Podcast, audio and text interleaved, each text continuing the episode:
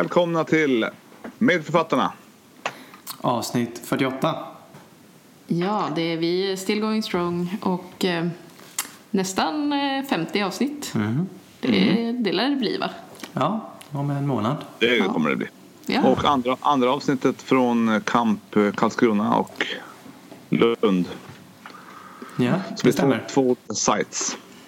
Men så är, det- det har man ju hört nu på radion, på, alltså på riktiga radion, att de också sitter på olika ställen. Det låter lite så här halvknackigt med Skype-inspelningar. Så det känns liksom lite inne. ja. Ja, precis. Vi följer bara en trend Precis. eh, i knackigt ljud-trenden. Ja. Ja. Ja, Vi heter eh, Miriam, eh, Joe och Fredrik. Ja, just det. Eh, Har det hänt något nytt i era liv? ja, vi har ju en, eh, lägenhet här i Karlskrona nu som vi spelar in ifrån och är väldigt nöjda med. Jag eh, är AT-läkare Nu för tiden. nu för tiden. Mm. Så vi fortsätter Det. äh, trippel AT-podden. Precis. En vecka till eller två, två veckor? Hur länge till? Tre veckor. Tre veckor till? Ja. Eller när jag är AT-läkare fram till eh, slutet av maj. Ja, men tre veckor till på vårdcentralen. Räknar du ner eller? Ja, det är. Känns Absolut. det sorgligt att slu- att sluta eller känns det skönt mest? Ja. Lite av båda, men kanske mest skönt. Ja. Du ska inte bli allmänläkare så att... Ja, det får man väl säga, men det tror jag inte. Eh, inte i nuläget i alla fall. Nej, inte i nuläget, Nej. så kommer jag säga. Ja. Okej. Eh, bra. Ja, men vi, vi kör som vanligt eh, någonting gammalt, någonting nytt och någonting udda från medicinen. Exakt. Och vi börjar med något gammalt då. Ja, let's do it. kör vi igång.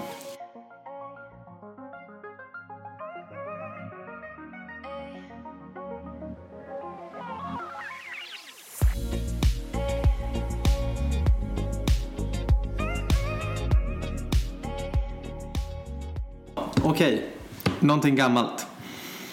Eh, och vi börjar med ett eh, patientfall Wow. på eh, ett akutrum, säger vi, akutrummet till och med.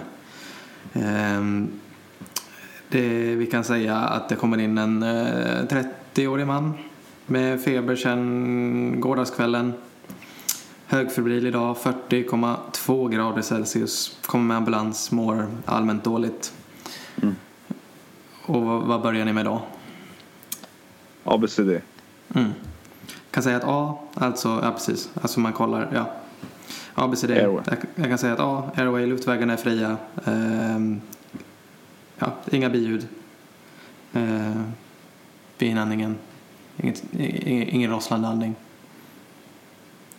Svarar väl hyfsat på frågor. Mhm. B, ehm, kan vi säga, eh, andas väldigt fort och ehm, har lite låg saturation, säger 88. Covid. Mm. Nej. Ja, nu, nu tänker man ju det. Ja. Vi kan tänka bort covid ett tag. Ja. Det kan vara skönt att göra det. Och vad gör ni om saturationen är lite kass? Syrgas.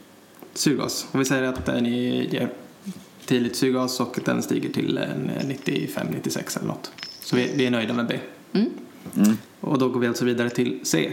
Och vad gör ni då? Vad, Du vill veta puls och blodtryck? mm. eh, vi säger att pulsen är hög, 120. Eh, blodtrycket 80 genom 50. Det är lite lågt. Mm. Ja. Vad, gör ni, vad gör ni åt det då? Vi vill ha två grova infarter. Mm. Och vad, vad sätter ni dem? Var?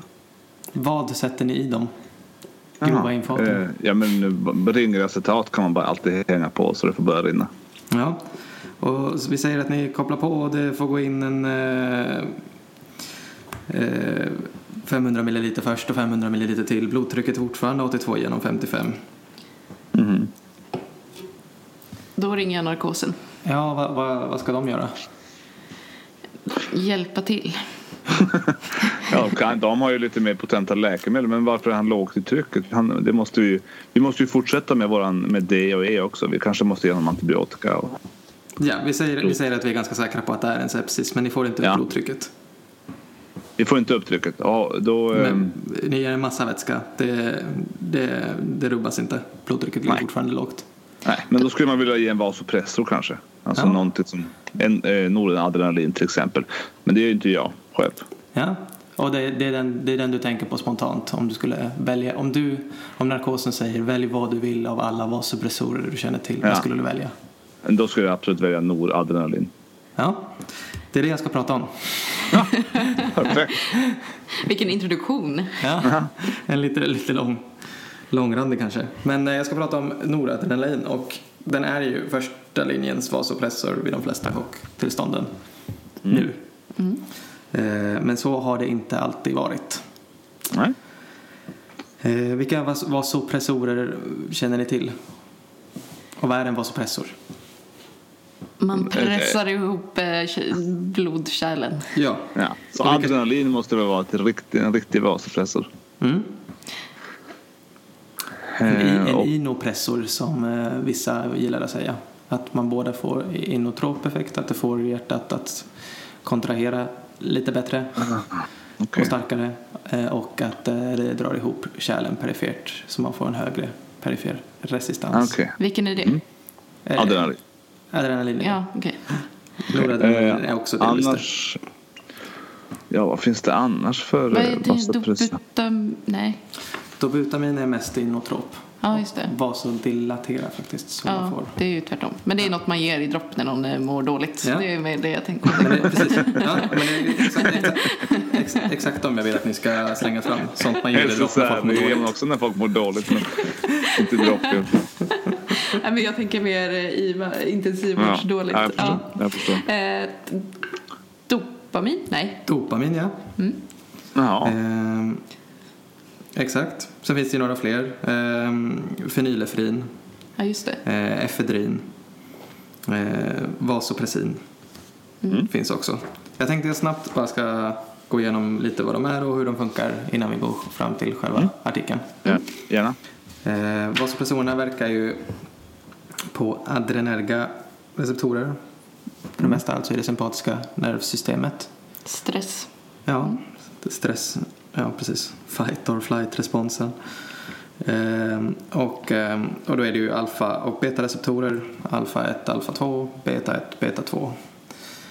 Eh, en massa olika receptorer som gör olika saker. Ja, och då kan vi börja med de här ehm, olika receptorerna. Eh, om vi börjar med ehm, eh, beta-receptorerna. De beta-adrenerga receptorerna. Beta 1 eh, finns framförallt i hjärtat, kranskärl, i njurarna eh, och, i gastro, och gastrointestinalt. Eh, I hjärtat Okej. så driver det på så att man ökar på hjärtfrekvensen. Eh, att man får lite snabbare överledning av impulser i hjärtat och så ökar det på att hjärtat slår starkare, ökar kontraktiliteten.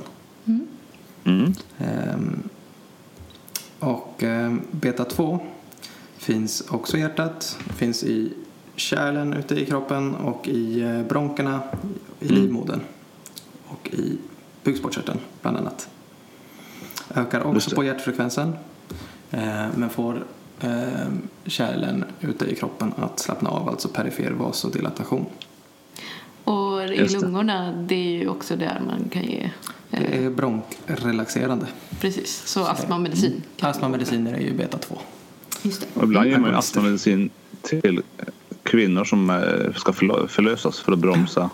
Om man har prematura verkar Precis. så slappnar också av. Slappna livmodern. av även utrus.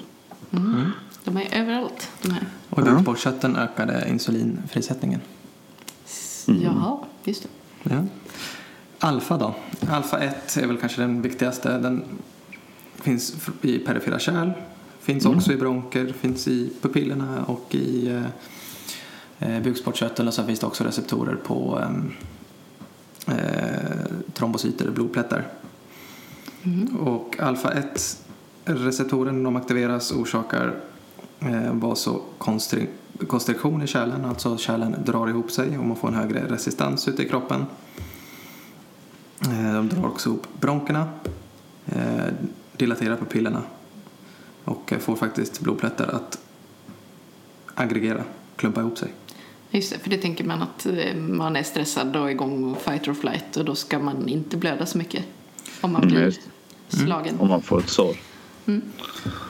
Bra, och sen alfa 2 är lite ja, perifer. Den eh, har, någon slags feedback loop så att när man har mycket noradrenalin så ser den till att man inte får för mycket av det. Av sitt egna noradrenalin i kroppen.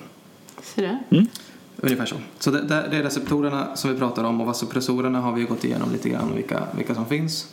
Då kan vi säga hur de olika funkar. Mm. Noradrenalin eh, verkar då på alfa 1 och beta 1. Och det, så det man får är att man drar ihop kärlen perifert och att man eh, ökar på cardiac output genom att öka på hjärtfrekvensen och kontraktiliteten. Känns bra vid sepsis. Ja, det är, det är bra egenskaper. Och sen är det ju såklart, de, de är lite olika potenta för de olika receptorerna. Mm. Eh, de olika substanserna här. Adrenalin som vi också pratar om då, det fungerar då väldigt bra på beta 1 så man får en väldigt, väldigt mycket effekt på hjärtat, på hjärtfrekvensen och på kontraktiliteten. Sen har man också en måttlig effekt på alfa 1-receptorerna och beta 2-receptorerna. Så den är lite mer på hjärtat. Mm. Just det. Mm. Den eh, drar upp cardiac output lite mer och sen en li- lite måttlig effekt på själva blodtrycket. Ehm, Men det är både beta 2 och alfa 1 effekt då som då gör två olika saker med de perifera kärlen också. Eh, Så det är framförallt hjärtat som adrenalin eh, pumpar på. Eh, Så pratade vi också om eh, dopamin Mm. som man också kan, kan ge för att hjälpa till med ett, ett, ett lågt systemiskt tryck. Och dopamin är väldigt dosberoende. När man gör det i låga doser så funkar det framförallt på dopaminreceptorer, dopamin 1-receptorer.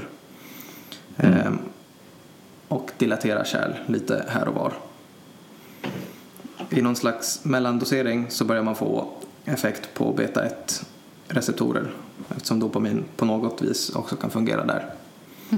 Eh, så man får lite pisk på hjärtat. Mm. När man går upp i höga doser så får man också en, får man mestadels en effekt på alfa-receptorer istället. Ja, ja. Men det här Okej. är ju då, för dopamin pass, vi känner ju annars igen det mycket från hjärnan men det passerar inte blod-hjärnbarriären, nej. Det är därför man ger det. Så man kan ge det perifert och då har det mest effekter, de här effekterna ja, beroende på vilken dos. Så Ja. på hjärtat eller på blodtrycket. Men det, det man pratar om i de här sammanhangen är väl framförallt i de högre doserna. Så att man ska dra ihop kärlen och få, få, ett, få ett högre blodtryck. Mm. Ehm, och sen finns ju då de andra eh, som jag kan dra lite snabbt. Fenylefrin finns som alternativ och det funkar bara på alfa-receptorer. Mm. Eh, gör ingenting med hjärtat men drar ihop kärlen i periferin. Just det. Det känner man mest igen från typ operation egentligen va? Mm. Och, samma Och sak med också. Efedrin också. Det, eh, efedrin funkar lite både på alfa och beta och är lite mindre potent än adrenalin men stimulerar också själva kroppen att frisätta sitt eget noradrenalin. Okej. Och det här minns jag någonstans väldigt långt bak Mm. från termin sju.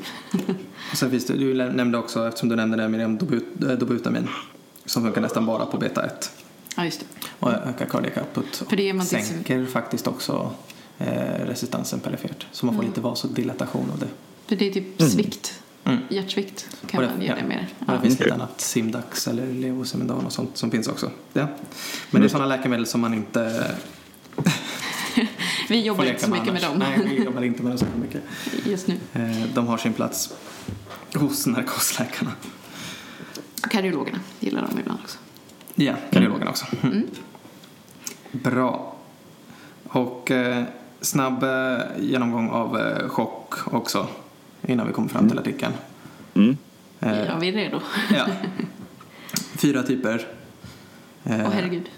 principiella. Den första är distributiv. Alltså, det är inget som kommer fram ute i kroppen. Nej. Och det kan vara på grund av sepsis, eh, att man är genomsläpplig i alla sina kärl. Mm. Så ingenting, ingen, ingenting kommer fram dit det ska därför. Eh, samma sak då vid anafylaktisk chock, är det ungefär samma. Mm. Eh, allt är genomsläppligt så det är ingenting som kommer fram dit det ska. Neurogen chock är också en distributiv. Där tappar man bara tonus i alla sina alla sina kärl eftersom man eh, inte har någon sympatisk aktivering. Just det. Mm. Ehm, och problemet där är också man får inte fram syre och allt som ska komma fram. Kardiogen, det är som det låter, när, eller kardiogenchock, det är ju när hjärtat är problemet. Mm. Själva pumpförmågan av hjärtat eh, räcker inte till att eh, försörja kroppen med allt det behöver. Alltså, jag, jag försöker komma ihåg, det finns ju bara så många undergrupper av de här fyra principiella och samtidigt så kan man ju, eh, vän av ordning, också hävda att en kardiogen chock leder ju också till en distributiv problemställning. Ja, men där är det hjärtat som är problemet. Ja, inte, Om hjärtat funkar bra men det kommer inte fram tror ändå. Då är det distributiv, det är mer som om vägnätet är paj. In- Infrastrukturen är trasigt men eh, motorn funkar fortfarande. Mm. Ja. Hjärtat är, eller precis kardiogen är då att motorn är trasig, det är bra. Eh, hypovolem i den här liknelsen blir väl att det inte finns några bilar. Ja, det eller något. Eh, hypovolem alltså att man har blivit av med för mycket Ja. vätska helt enkelt. Ja. Genom att blöda eller eh, kräkas eller eh, Bajsa. Ja, eller via huden vid brännskador eller något annat så har man för lite vätska i systemet för att något ska komma fram. Sen finns det sista gruppen då som är obstruktiv. Att något är i vägen för cirkulationen som en lungemboli, Lungemboli. ja. en tamponad, eh, alltså vätska i hjärtsäcken som eh, stryper hjärtat så det inte kommer ut något. Så ett träd har fallit på vägen någonstans. Ja, Precis. Så snyggt. bra. Så det Ja. var Lite det var lite, background. det var lite intro. Eh, Jag hoppas att det var förståeligt. Mm. Eh, Och eh, då går vi till den här artikeln från 2010. Eh, På den gamla goda tiden när man tyckte att dopamin och noradrenalin var likvärdiga förstahandsval vid chockbehandling. Ha, de visste ingenting då. Nej. Det var därför jag var Back lite nyfiken på att eh, jag, jag visste nästan att ni skulle säga noradrenalin. Eftersom man jag har inte pratat så mycket om dopamin så länge jag Nej, har. men vi har alla börjat plugga efter 2010. Så att, Exakt. Mm.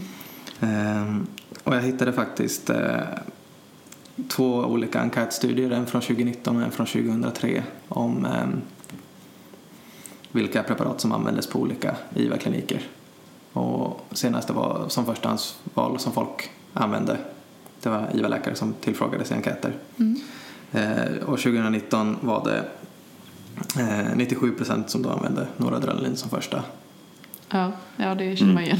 och sen om man går tillbaka till 2003 så var det faktiskt i, Skan- i Skandinavien en liknande enkätundersökning där det var ungefär, där, där var det ungefär 50-50 med lite övervikt dopamin. Eh, dopamin och noradrenalin. Vilket var lite spännande. Eh, och artikeln jag ska prata om kom då 2010 mitt emellan de två, mm. de två enkätundersökningarna. Kan det vara den som låg till grund för paradigmskiftet? Och den heter Compa- Comparison of Dopamine and Norepinephrine in the Treatment of Shock. Och norepinefrin är ju då noradrenalin. Mm. Publicerad av Debacker et al. i New England Journal of Medicine. Och kalla, själva studien kallas då för SOAP 2-studien. Trevligt. Oklart vad det står för, det vet jag faktiskt inte. Mm. Och den här studien, det var en multicenter-studie som genomfördes mellan 2003 och 2007 i Belgien, Österrike och Spanien. Och då hade man eh, målet att inkludera personer med chock med ett medelartärtryck under 70 Och MAP är delta, skillnaden mellan... MAP är diasto- två gånger det diastoliska blodtrycket, alltså den undre Aha. plus det systoliska blodtrycket genom tre. Ja, just det. Så är det. Eh, och det är för att den di- diastoliska fasen är längre Ja, än den systoliska. så. Som man multiplicerar det diastoliska blodtrycket med två.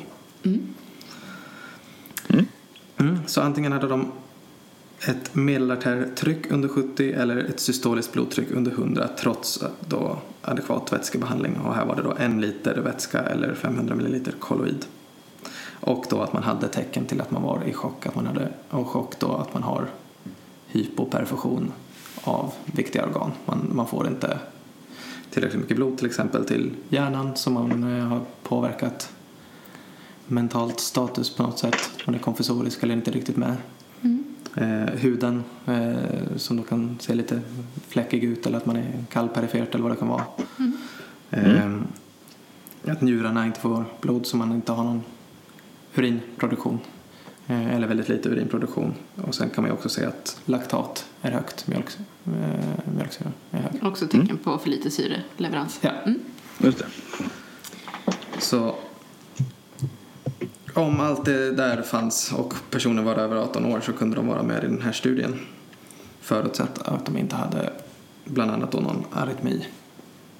Ja, just det. Mm. Ehm, så det var bakgrunden där och det var en randomiserad studie. Ehm, Man randomiserades antingen till noradrenalin eller dopamin. Ehm, Och eh, vad gäller att använda liksom övriga läkemedel så var det ganska fritt. Mm. Okej. Ehm, Övriga vasopressorer och eh, inotropa och eh, ja, alltså antibiotika och allt sånt som kan behövas runt omkring skulle ju bara vara enligt gängse. Okej. Men man fick inte Praxis. använda både dopamin och no- noradrenalin.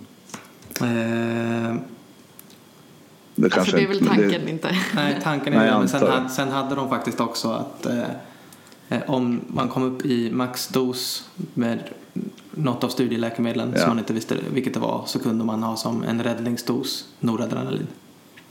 Okej. Så man misstänkte redan att det var lite bättre. Mm. Eller? Och då, precis, då, kunde man få lite, då kunde man använda lite extra Okej. noradrenalin just. Eh, Ja, och det var det en okej. del patienter som fick. Och sammanlagt så fick de ihop 1679 patienter. Mestadels med septisk chock, Mm. eh, 62 procent. Eh, ungefär 17 procent med kardiogen chock och en 16 procent med hypovolemchock.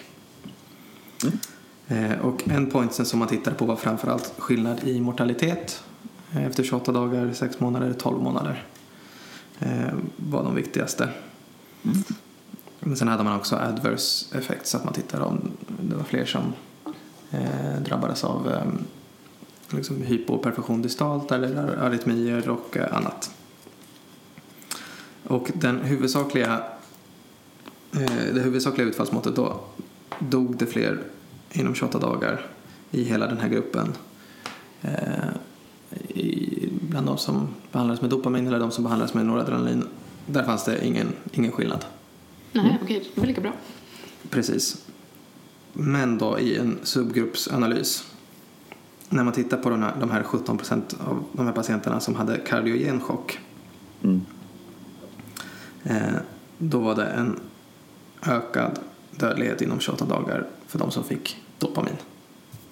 Okej. Och när man tittar i hela gruppen på ehm, de här adverse effects, alltså sånt som man inte vill ska hända. Så var fre- frekvensen av arytmier 24 procent bland de som fick dopamin och bara 12 procent bland de som fick noradrenalin. Okej. Vilket ger ett number needed to harm på ungefär 9. Ja, det är ändå ganska Ja, ja, litet. om man, precis. Alltså om man väljer do- dopamin framför noradrenalin Så- ni, nio gånger så kommer Mm. de få en arytmi. Baserat på den här studien då, och de här siffrorna. Ehm, och det är väl huvudsakligen därför som jag har förstått det. Att eh, noradrenalin är Har totalt utkonkurrerat dopamin då. Ja. Ja. Ehm, Just arytmirisken och eh, att man faktiskt här också påvisar en högre dödlighet vid kardiogen chock. Och då tänker man att det har någonting med effekten på i Beta beta Ja, den, den, de, I den här studien också, de som fick dopamin hade lite högre medel, liksom hjärtfrekvens. Så den driver nog på lite mer, spekulerar de i Okej. också. Mm. Så det är klart, det kan bli någon sorts skillnad. Ja, men den, ja, precis. Och där är i alla fall en skillnad man kunde se att ja, det är en, en lite ökad arytmirisk generellt också. Så det, det gäller alla typer av chock. Den ökar Mm. arytmirisken. Då var i och för sig de kardiogena chockpatienterna inkluderade, men ändå. Eh, Det har ju diskuterats ganska mycket sen om, om den här studien men det har ju ändå påverkat guidelines i alla fall för septisk chock att eh, där är noradrenalin definitivt eh, förstahands. Ja. Men då tycker man ju att kardiogen chock ska det vara ännu mer definitivt. Verkar vara det för kardiogen också men vid kardiogen kan man ju behöva andra typer av eh, Ja. läkemedel också. Att man kan behöva mer inotropi, eh, kanske mer än ren, eller ja, Än En- rena vasopressorer. Ja, så det, det är ju ja, det är ju eh, komplext. Men Ja, eh, vi behöver inte berätta för IVA-läkarna hur de ska göra. nej, det gör vi ju verkligen inte. Eh, det gör vi absolut Nej, inte. det här är inte Twitter där man sitter och bestäm, berättar hur Folkhälsomyndigheten borde göra. Men det är i alla fall en förklaring till eh, varför man inte hör talas om dopamin så mycket på Mm. sitt lokala IVA som man kanske gjorde 20 år 2003 sedan. till exempel. Det. Ja, men det kan man stila med då nästa gång man träffar en eh, narkosläkare. Ja, SOAP 2-studien. Och det kanske folk gör oftare nu också i covid-tider om folk är omplacerade Ja, just det. här och där. Så eh, kan man småprata om SOP. Ja, men Ja. jag eh, pratade faktiskt om eh, Rails-studien nu, nu när jag var på kardiologen. Som vi hade i Ja, den här typ första... lung, första Ja. avsnittet. Ja. Ja. Lungrassel. Rassel. Rassel ja. Ja. Ja, var det inte, men det var något om spironolakton. eh, Det var spironolakton ja. Ja. Vid hjärtsvikt. Alltså, där tycker jag är så jobbigt nu att jag har ju precis tagit examen tycker jag. Ja. Men ändå så har det ju en sån sak ändrats som att Eplerenon, den här eh, eh, andra eh, läkemedlet. Som, Aldosteron-antagonisten. precis. Eh, som inte då ger Gynekomasti. Tack för att du fyller i mig. Nej men där är ju patentet släppt nu så det är också jättebilligt att ge. Så att man behöver liksom inte hålla igen på det längre. Och det känner jag att så här, oj, hur ska man någonsin kunna hålla sig uppdaterad på allting? Nej, Genom att lyssna på medförfattare. precis.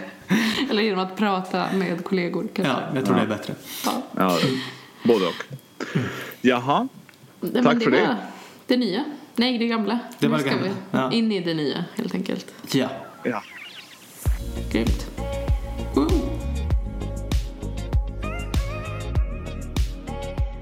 Ja, och jag ska prata om något nytt och då är det ju covid, covid, covid. Eh, What else is there? Nej, men jag försökte igen att läsa om andra saker men det är inget som liksom fångar ögat riktigt lika mycket. Nej. Eh, och jag tänkte börja med ett tips då. Det är säkert många som har varit inne där men annars eh, på infektion.net, alltså Svenska infektionsläkarnas förening eh, så har de nu då eh, webbinarier varje fredag klockan fem. Man kan se dem live och koppla upp sig och sådär men man kan också se dem i efterhand vilket jag har gjort. Eh, Där de samlar mycket av kunskapsläget och eh, jag tittade på det idag och jag tycker ändå det känns väldigt mysigt på något sätt att eh, men de har folk som uppdaterar om läget både från infektionshåll och IVA-mässigt och Tegnell var med lite också. Okej, Eh, hur, hur lång är den? Just det här som jag tittade på var en och en halv timme, det var lite längre, man kan ju hoppa om man vill. Men eh, det var för att i slutet så tog de upp då det jag tänkte prata om eh, idag. Och det är nämligen eh, tromboembolism vid covid-19 som då har seglat upp som något man bör ta i beaktning. Eh, och studien som de hänvisar en del till, kanske inte i detalj, men som jag tänkte ta upp lite här är då en eh, holländsk eh, studie som eh, eh, publicerades, eh, ja nu ska vi se, det, måste ju, det går ju så himla snabbt här nu, men den eh, är publicerades 10 april. Eh, klok Det är nytt. et al. Ja, så det är väldigt brännande nytt. Eh, Men färdig reviewad och allt? ja, Eller är, den, är det sån här preprint? det vet jag faktiskt inte. Corrected proof står det här. Jag vet inte vad mer jag ska läsa. Eh, Ja, men då låter det... Om det... ja. Nej men Klok et al. i eh, Bra namn. Nederländerna. Ja, vi gillar det. Eh, har då en artikel som heter Incidence of eh, thrombotic complications in critic critically ill ICU patients with covid-19. Eh, och det är då en eh, studie från tre eh, sjukhus eh, där man då har kartlagt eh, 184 patienter på i, intensivvård då, med bekräftad covid-pneumoni. Och då helt enkelt samlat data angående tromboembolism. Mm. Eh, och eh, de gjorde inte någon screening utan det här är liksom Alla. helt enkelt ja, men kliniskt relevanta eh, fall. Och där hittade de eh, eh, trombotiska komplikationer i 31 procent Mm. av fallen. Och det är alltså nästan en tredjedel då. Ehm, vilket är liksom, det är väldigt högt. Eh, och man börjar i, i eh, introduktionen här att liksom eh, man kan ju hypotetisera att det predisponerar för eh, eh, trombotiska händelser. Både eh, inflammation är ju, kan ju vara eh, trombotiskt i sig, hypoxi eh, och de är ju väldigt eh, immobiliserade också. Som generellt, att man ligger still, eh, vilket också ökar risken för proppar. Eh, och sen även eh, diffus eh, intravaskulär koagulation, alltså det man kallar för en DIC. DIC. Mm. Eh, men eh, tidigare hade det inte funnits så jättemycket rapporterat säger de här och därför så valde de att liksom, eh, studera det här närmre. Och de här patienterna är väl, jag tror sa de i det här webbinariet, ganska likt det svenska mm, liksom populationen på IVA. Snittålder på 64 år och eh, 76 procent män. Eh, eh, och så. De har, vissa har en del grundsjukdomar och så. Eh, men eh, det intressanta var ju att i princip alla av de här patienterna fick eh, trombosprofylax eh, enligt standardrutin. Och trots detta så utvecklade de de här händelserna. Och då var det då eh, framförallt eh, venös trombo- tromboembolism. De inkluderade även stroke och hjärtinfarkt och så men det var bara 3 procent som fick det medan 27 procent fick eh, lungemboli eller stora DVT och allra vanligast lungemboli.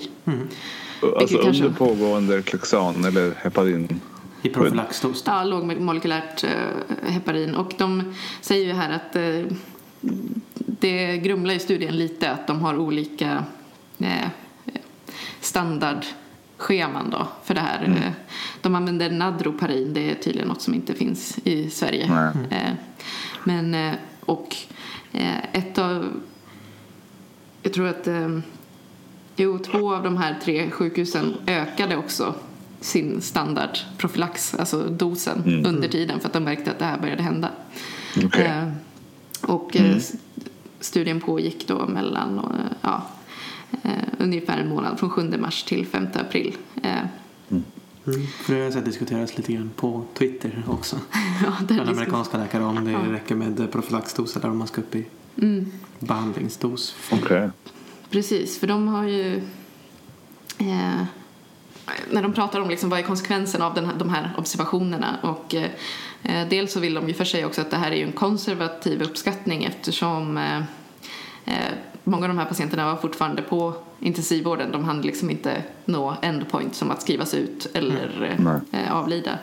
Eh, och eh, att eh, man kanske inte alltid skickar eh, alltså, om patienterna är sövda så kanske de, då kan de inte klaga på eh, smärta i benen eller Nej. och att man är nog mer restriktiv på att skicka dem på röntgen också i och med att det eh, med isolerings och hygienrutiner blir lite av Absolut. ett större projekt.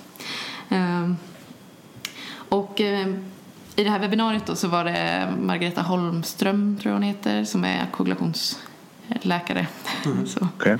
väldigt duktig och en eh, IVA-läkare, namn Anders Ollner, som pratade lite om det här. Eh, och de sa, hänvisade även till alltså, vissa italienska material där de säger att det är upp till hälften som får, eh, av de IVA-vårdare som får Oj. den här typen. Eh, och i Italien har man gått upp till dubbel eh, profylaxdos på samtliga. Eh, Jaha. Ja. Och eh, vad är då alltså trombosprofylax? Eller det vi, ja, de flesta använder ju då lågmolekylärt heparin. Mm. Vilket, heparin är ju en eh, polysackarid som förekommer naturligt i typ gristarmar. eh, Så, utvinns från biologiskt material. Det vi har i Sverige kommer tydligen eh, framförallt från danska grisar men även från Kina. Så att, eh, eh, eh, men lågmolekylärt heparin har man då eh, är mindre molekyler. Eh, och fördelen gentemot heparin är väl dels att det är mer, lite lättare att använda. Man behöver inte ge det lika många gånger per dag. Heparin har mycket snabbare Halveringstid. Ja, precis. Det är därför man använder det till exempel om man har en stor lungemboli, lungemboli men det är lite osäkert om man ska behöva ge trombolys eller inte. Då det. ger man ofta heparininfusion fram tills man vet om trombolys blir aktuellt eller inte just för att det har så snabb... eh, Mm. Det går ur snabbt. Ja, precis. Eh, Det är inte heller njurberoende men eh, lågmolekylärt behöver man oftast bara ge en eller två gånger om dagen och är, eh, man behöver inte följa det med APT-tidsprovtagning och så. Lite färre blödningskomplikationer och så. Och eh, jag vet inte, det verkar ju vara väldigt Ibland tycker jag varför man använder Clexan, Inohep eller Fragmin. Eh, Jag Nej. vet inte, har ni någon favorit? Klexan. Men det är för, för att det är lite olika dos- doseringar på dem. Ja. Om man lär sig en dosering och sen är man nöjd. Eller? Ja, ja men för det känns som att det, när jag var i Stockholm så var det mycket Fragmin. Eh, och så i Malmö var det, körde vi Clexan. Ja, jag kör uteslutande Klexan i Lund. Ja. Men sen kom kirurgerna med sitt Inohep så de verkar ha era egna rutiner också. Ja. I alla fall så nu eh, finns det PM då också i Sverige och det har, har jag de ser lite olika ut i olika regioner men eh, hon, Margareta Holmström har ju varit med och tagit fram det som finns för Karolinska till exempel. Och det de hänvisade till är då eh, deras eh, PM där man nu rekommenderar eh, att samtliga som läggs in med eh, covid-19 eh, oavsett, alltså om man bara är tillräckligt sjuk för att läggas in så ska man ha en standard profylaxdos då.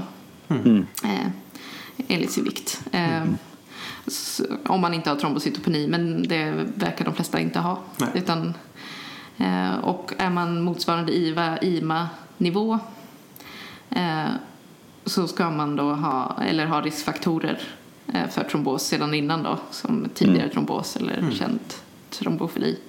Eh, så ska man alltså dubblera den dosen. Man ger både på morgonen och på kvällen. Eh, en standardprofylaxdos. Eh, Och ger de, ger de någon hint om vilket läkemedel? Eller? Ja, här använder de Fragmin, men jag tror att det är mer Okej, Det är Som- mer beroende av Ja. var man är någonstans. Okej. Mm. Men det som också är intressant där är att de har eh, också vägt in som riskfaktor för en trombos är ju den här nivån av D-dimer som man ofta säger har bollat runt att det är förhöjt vid covid som alltså är eh, En klyvningsprodukt av fibrinogen. Ja, det är Nej, fibrin. Eller är det fibrin? Ja. Ja. som är ganska ospecifikt prov men eh, här om man har en D-dimer över 3 så tycker de att man ska ge dubbeldos och, Okej. eller ett fibrinogen över 8 eh, gram per liter. Eh, nej men och det man eh, ofta pratar om vid liksom sepsis eller ARDS är ju det här DIC eh, som eh, är ju både att man får proppar men också blödningar eftersom att eh, de här eh, koagulationsfaktorerna konsumeras och så.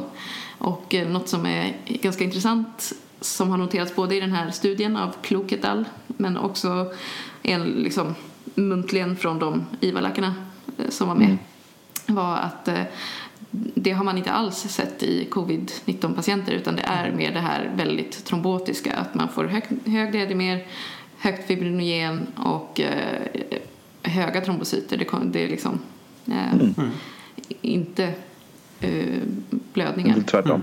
Nej. Eh, vilket är intressant. Och eh, Mm. de här eh, riktlinjerna är de ju väldigt ödmjuka för att de kan uppdateras eh, när som helst. Men eh, nu verkar det, de också vara inne på att man nog ska börja eh, även vid utskrivning av covid-patienter, där lär vi ju hamna framöver också, eh, att man då ska ha eh, eh, trombosprofylax eh, en till fyra veckor efter Mm. eh, utskrivning. Eh, och då eh, finns det ju också problem som det har eh, varit med många andra läkemedel. Eh, har vi tillräckligt mycket till alla? Och där, därför har de även lagt in att man kan använda Arixtra, alltså Fondaparinux som också är en faktor eh, 10A-hämmare. Mm. Eh, men även eh, se över möjligheten att använda NOAC, Ja. Eliquis till exempel. Ja. Mm. Mhm. Så att det här, eh, om vi sitter på coronaavdelningen framöver. Nu har vi ni på vårdcentral och jag är AT-läkare i Blekinge som har eh, lägst antal fall nästan i Mm. Sverige. Så att jag, jag är inte riktigt där men eh, Mm. Det, det finns ju PM för eh, corona Nej. på vårdavdelning och sånt. Har ni, har ni träffat någon covid-patient som ni vet? Nej, inte som jag vet. Nej. Jag har träffat många som är sjuka i misstänkt men vi testar ju ingen i stort sett. Nej. Eh, Så jag har Precis. testat en patient och det var inte covid. Mm. Så det vet jag. Ja, jag har nog inte, vi har ju, eftersom jag har varit på akuten i veckan så är det ju, vi har inte haft någon som kommit in med bekräftad redan innan utan, Nej. Ja, det bekräftas ju när man läggs in. ja men precis, men sen finns det ju Ja, de som har kommit, Ja. blivit bekräftade sen gått hem och kommit Mm. in igen. Det har jag sett i akutliggaren i alla fall. Mm. Som, Okej. eh, men eh, Ja. skyddsutrustning eh, får man ju ha rätt ofta. Mm. Absolut. Exakt. Ja, ja. Mm. Mm. Mm. Men det kan, det kan, kan vara bra om man ska remittera till akutmottagningen. Man ska tänka på att nämna tidigare tromboser. Mm. kan vara bra att känna till för den mottagande Mm. enheten. Bra tips. Och jag tänker på, för nu har vi ju på åtminstone vårdcentralen har vi rätt många som har långdragna förkylningar med feber Ja. i en, flera Mm. veckor. Mm. Då ska man ju, och kanske amputet och sådär som inte är sjuka nog att läggas in. Så man, man tittar på dem här, du har inte lunginflammation tänker man. Mm. Men det extra värt att tänka på eh, DVT och lungembolier nu också då. Mm. Om För de- jag tycker det, de- det känns ju lite jobbigt annars för att man tänker ju att så här, okej men den här att man har antingen eller. För Mm. den sållningen gör man ju ganska mycket på liksom, om man träffar någon första gången på vårdcentral eller akuten att så här, antingen är det covid eller så är det lungemboli eller hjärtsvikt eller Mm. alltså så. Men Mm. om de ofta går tillsammans, covid och lungemboli, så Mm. ja, får man ju dra öronen åt sig. Mm. Bra. Det var väl bra det. info. Ja, Det var verkligen. det. Det får vi tänka på. Men då går vi vidare till någonting lite mer udda och lite mindre covid. Orienterat. Co- Ja, verkligen Ja. inte covid-orienterat. Skönt. Släpper Yes. covid igen. Ja. Då kör vi. Wow. Wow, wow.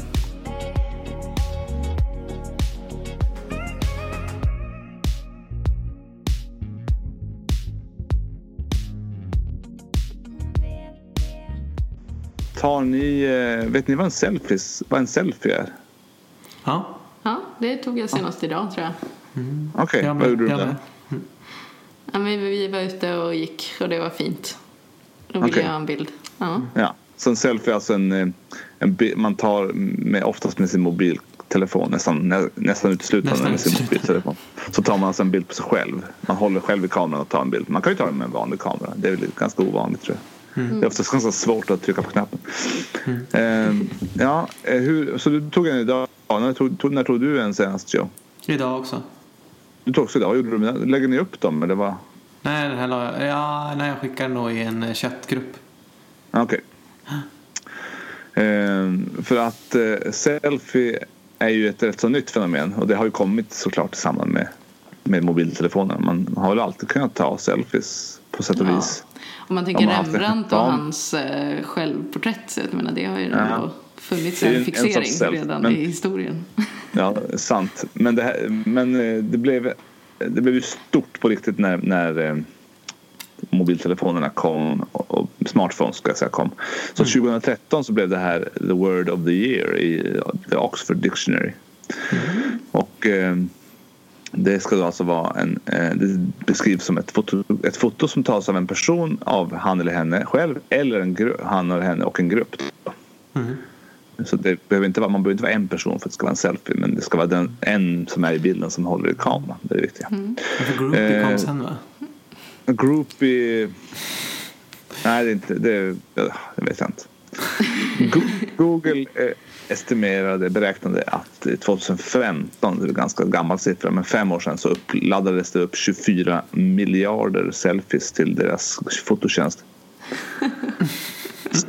Sug på den siffran. 24 miljarder stycken. Det är rätt många. Ja, det känns inte som att man använder just Googles fototjänster så ofta heller. Så det finns Nej, något stort det... Eh, antal på andra plattformar. Precis. Eh, och eh, någon sån här eh, research center som heter Pew. De har tittat på det här och kommit fram till att, jag tror inte på den siffran, men det får jag ändå nämna att 55 procent av alla millennials, alltså de som är jag vet inte exakt vad som räknas där, men födda typ 90... Men jag tror ändå vissa 80-talister räknas. Okej, okay, men, men okay, mm. strunt samma. 55 procent av alla millennials har postat en selfie på sociala medier.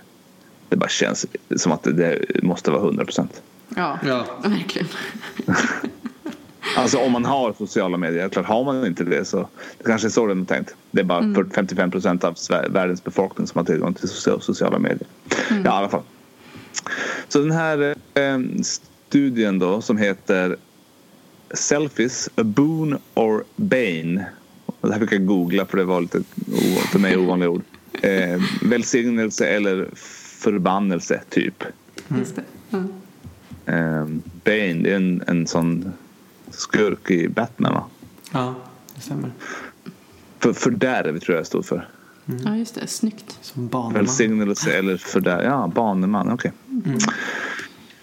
Så att, ehm, det här är en studie då som kom nu 2018 i Journal of Family Medicine and Primary Care. En in, indisk, eh, indisk eh, tidskrift. Mm skriven av eh, Bansal et al. Och de ville titta på eh, epidemiologin av selfie-relaterade dödsfall runt om i världen. Oj! Ja. Så mm. att det, jag känner nog inte till det enda. Ska jag... Morbid. Nej, jag, mm. inte jag heller. Men nu ska ni få höra om några stycken. Mm. Och eh, då har de definierat ett selfie-relaterat dödsfall som en, en olycka som händer. Så kan man ju såklart aldrig veta om det är en olycka eller ett självmord men får anta att det är olyckor. Eh, om man är så, så pass pigg och glad som man vill ta en selfie då är man kanske inte suicidbenägen. En olycka som händer i samband med att man ska ta en bild på sig själv, alltså en selfie.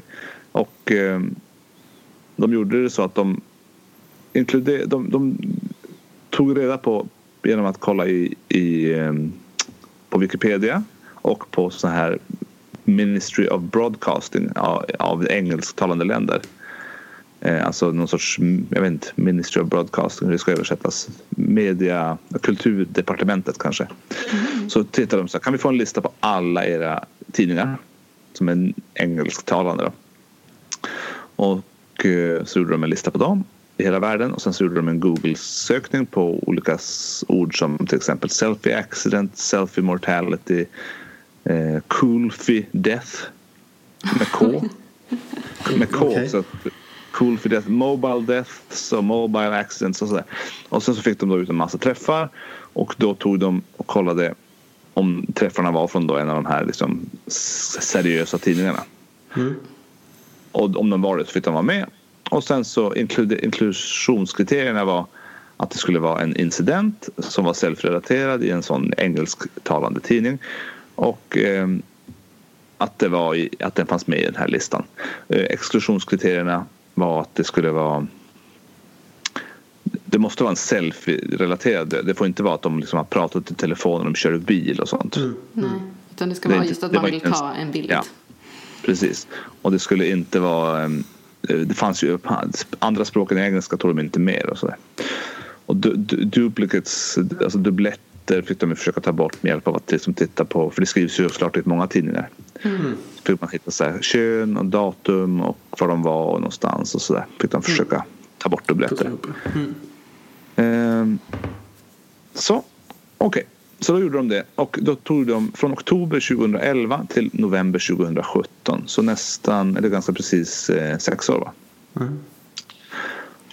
Då hade det, som de kunde hitta i de här engelsktalande tidningarna, 259 dödsfall. Men på fördelat på 137 incidenter. Så det tyder ju på att det är lite groupies där också. Ja, verkligen. Eh, Och det här och var i, i Indien eller? Nej, all, hela världen. Hela världen. Hela världen? Det var ju alla engelskspråkiga tidningar i hela ja.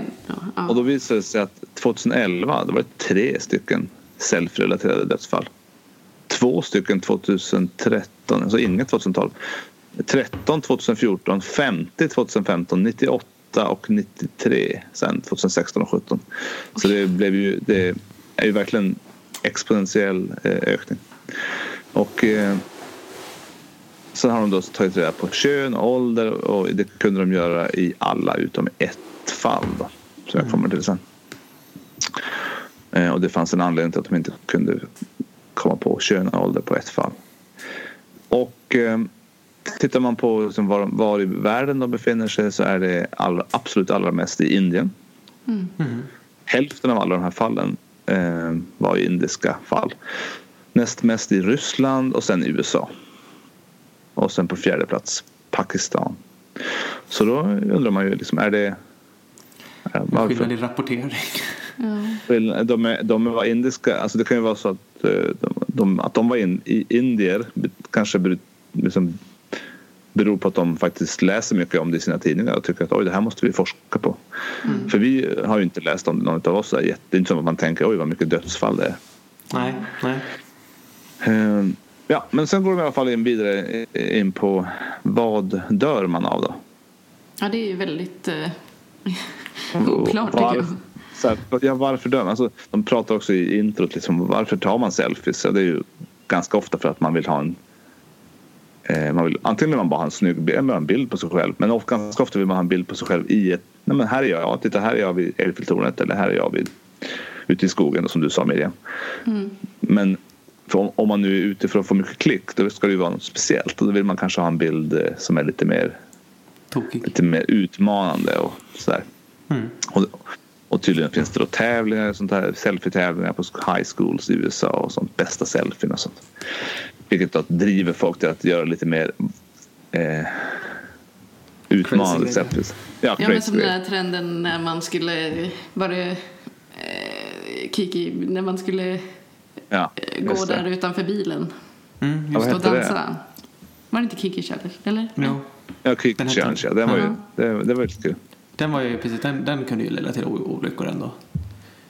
Men eh, man Ja, höll ju inte själv i telefonen särskilt ofta. Nej, just det. Det, Just det. Nej, det var inte selfie. Mm. Ja, i alla fall. Du, då kommer vi in på vad de, dog, vad de dör av. Då. Alltså man, de dör ju människorna. Det är ganska, det är ganska allvarligt. Det är inte så här skadade utan de dör. Om ni gissar. Det finns, vi tar topp eh, vi tar topp fem då. Jag tror- Dödsfalls.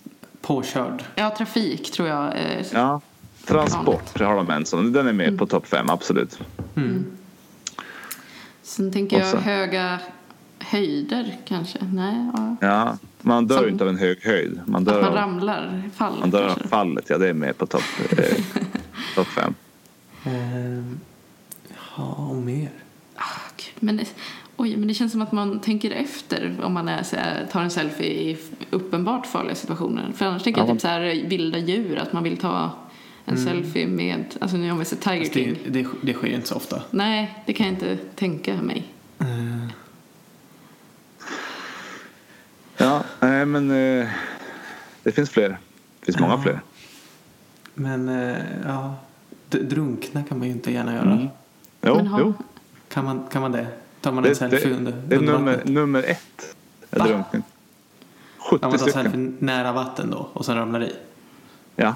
ja, jo, man tar väl exempel när man ligger i vattnet. Nej, Eller det vet man jag får inte Ja, riktigt till vinkeln och så ligger man kvar i vattnet. Det känns... Jag tror att eh, de, de nämner det att det är ganska vanligt att folk som inte kan simma gör, går ut på liksom, en brygga eller något och så tar man en bild och sen Mm. håller sig för nära vattnet. Mm. Så då kanske selfien i sig inte har så jättemycket med fallet att göra, det vet jag inte. Men eh, alltså det är drunkning, fall och transport. De är, de är eh, eh, etta, transport är tvåa, fall är trea och eld är faktiskt på delad tredje plats. Oj. Alltså fire. Ja. Och sen på femte plats, eh, då är det ganska långt ner, då är det electrocution. Så då blir man, får man en elstöt. Jag vet inte om man står på ett tåg eller något kanske. Oklart. Ja.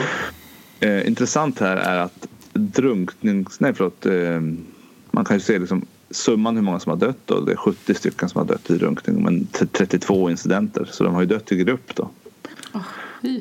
Men det, den mest morbida siffran här det är elden. Det är 40, 48 döda på en incident. Nej men gud. Oj. Eh, och det var den de inte kunde säga vilka som, vad de hade för kön och så där. Så det var väl för långt att skriva i, i tidningen. Hur många, Mm. Hur många, vilka åldrar och vilka som. Men man undrar ju verkligen vad som händer när man tar en sån 50 pers i en grupp och så brinner alla upp. Ja. Ja. Så eh, tittar man på kön så kan man nästan gissa, eller åtminstone jag kunde gissa mig till vem, vilka kön som är mest benägna att dö. Två, tre, tre fjärdedelar är Men. män, absolut. Och eh, sen tittar de på risky behavior eh, som de, de definierar liksom på en Alltså att gå, jag vet inte, att gå fram till en klippa och stå på något som är uppe eller hänga, liksom hänga med en hand i ett, eh, på, ett, i ett högt, på ett högt hus. Det får anses liksom vara risk-taking. Eh, Medan att bara ta en bild i en selfie i en båt och sen så råkar man snubbla till. Jag vet inte, något sånt. Eh, är inte risky. Då var männen, männen är överrepresenterade båda och såklart för de är mest men absolut mest riskbenägna. Mm. Hälften av alla fall nästan är riskbenägna män. Eh, så diskuterar de lite grann om liksom varför, eh, varför Indien är eh, eh, varför Indien skulle vara så högt upp i detta. En anledning tror de kan vara att det är ganska mycket väldigt stor eh, del unga människor under 30 år. Ja. De absolut flesta i de här som dör de är ju mellan 10 och 29 år. Mm. Och Ja, eh, tittar man på de här riskbenägna så dör det ju fram, där är framförallt de unga och bland de äldre som dör i selfie-relaterade olyckor så är de ju mer på non-risky. Då kanske det är mer att man tar en bild när man är i skogen som ni gamlingar. Så Exakt. får man ett träd i huvudet. Men eh, sen roade jag mig eh, med att titta på era Instagram och, och på min egen Instagram bara för att se liksom, eh, för jag kommer ihåg att jag, det är många år sedan nu, att jag sa till en kompis att jag har, jag har aldrig tagit en, jag har aldrig lagt upp en selfie vad de sa, liksom. jag har aldrig lagt upp en selfie på mig själv på Instagram. Eh, Det måste varit många år sedan. För att jag, eh, om jag börjar med mig själv då. Jag skaffade Instagram någonstans 2012. Jag var ju ganska tidigt eh, inne i svängen. I samband, ganska precis när jag började plugga till läkare faktiskt. 18 oktober har jag, skaffat, eller har jag åtminstone lagt upp mitt första Instagram, min första Instagram-bild. Ja, Det var inte en selfie. Det var inte en selfie, det var en bild på min dotter som dricker välling. Men, så det var alltså 2012 i oktober. Sen tittade jag fram så är det bilder på eh, bilder på Ginkgon utanför BMC och bilder på eh, lite olika sånt där. Bröd och sånt. Mina barn, med mitt barn. Eh, det är mycket, det är en, en gris. Eh, sen dröjer det fram till här. Lunda-karnevalen 2014, 18 maj. 16 maj. Då tar jag min första selfie och lägger upp den. Mm. Precis när eh, stigningen började i eh, selfie-relaterade... Precis. Så man tror att man är, man tror att man är liksom unik. Men det är man inte. Så då, sen har jag lagt upp betydligt fler. Men inga sådana riktigt eh, utmanande daring grejer. Nej. Eh, Miriam då? Ja, jag har ju bilder till skillnad Ja. från Joe. Du har inte lagt ut några på din Instagram. Nej. Men jag tror också jag skaffade Instagram typ när jag precis hade börjat. Ja, det tror jag också. För din, först, 2014, din första, jag kan berätta, kommer du ihåg vad din första bild var för något? Åh nej, tänk om det... Kan det vara den på en biochemistry-bok? Biochemistry. Ah, fy 13 fan. gilla markeringar. Nu har du 14 gilla markeringar. Hårt liv skriver du 27 april 2014. Eh, Ett, en biochemistry och ett par solglasögon. Då kände du dig ändå ganska... Då kände du dig ändå så här, yeah, nu är man läkare. Alltså, nå- Ja, verkligen. Eller kanske inte så mycket utan... Känns- oj, alla nu, läk- vet, alla nu kan man beta bara, oxidationen. Va? Ja. Det känns det på något sätt eh, som motsatsen till risky behavior. Den skulle Ja, minusklassats i, eh, i artikeln. Solglasögon liksom. Ja. Ja, och sen går det, det var, vad sa vi nu, eh, nu svamlar vi här, Eh, 27 april 2014, sam, ungefär samtidigt som jag eh, la upp min första selfie. Sen dröjer det fram till 28 november 2014 så lägger du upp en, en, din första selfie. Oj. Och där, där du ser lite missnöjd ut och säger mitt ansiktsuttryck. Vi har föreläsning till klockan fem. Filippa, men det är fredag. Hon är så glad. Shout out, Du ser lite Filippa. Ja, shout out till Filippa. Hon är ändå glass half full. Ja. Så ehm, Så ni började alltså med selfies precis eh, när alla andra gjorde det verkar det som. ja. Så unik är Du, man. du, du började trevande med lite såna här örhänges-selfies. Där du Ja, bara får upp ett öra ett par gånger. Mm. Det räknas inte. Nej, ja, men jag tror att det var mer lite så här eh, när Instagram var lite mer artistiskt där ett Ja, kort okej. tag i början. Ja.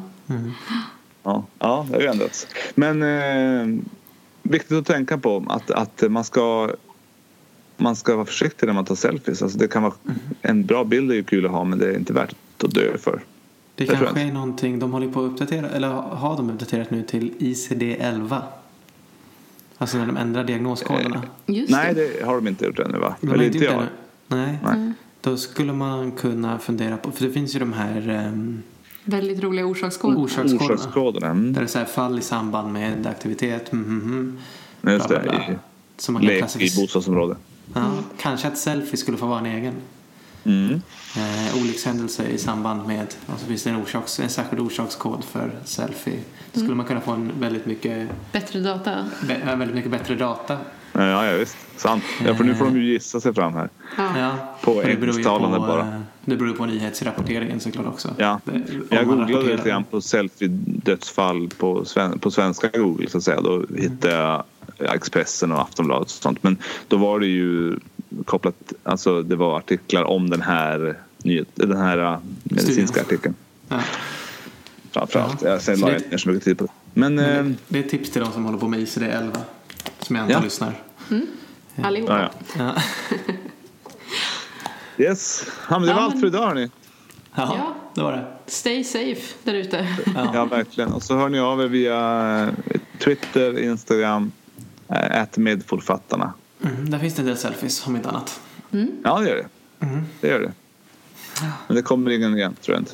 Ni, har, ni kan titta på den, den från förra veckan så ser ni hur vi ser ut. Vi ser precis likadana ut nu. Kan Yes. Ja, Bra. ha det gött. Vi hörs om två veckor. Hej då. Hej.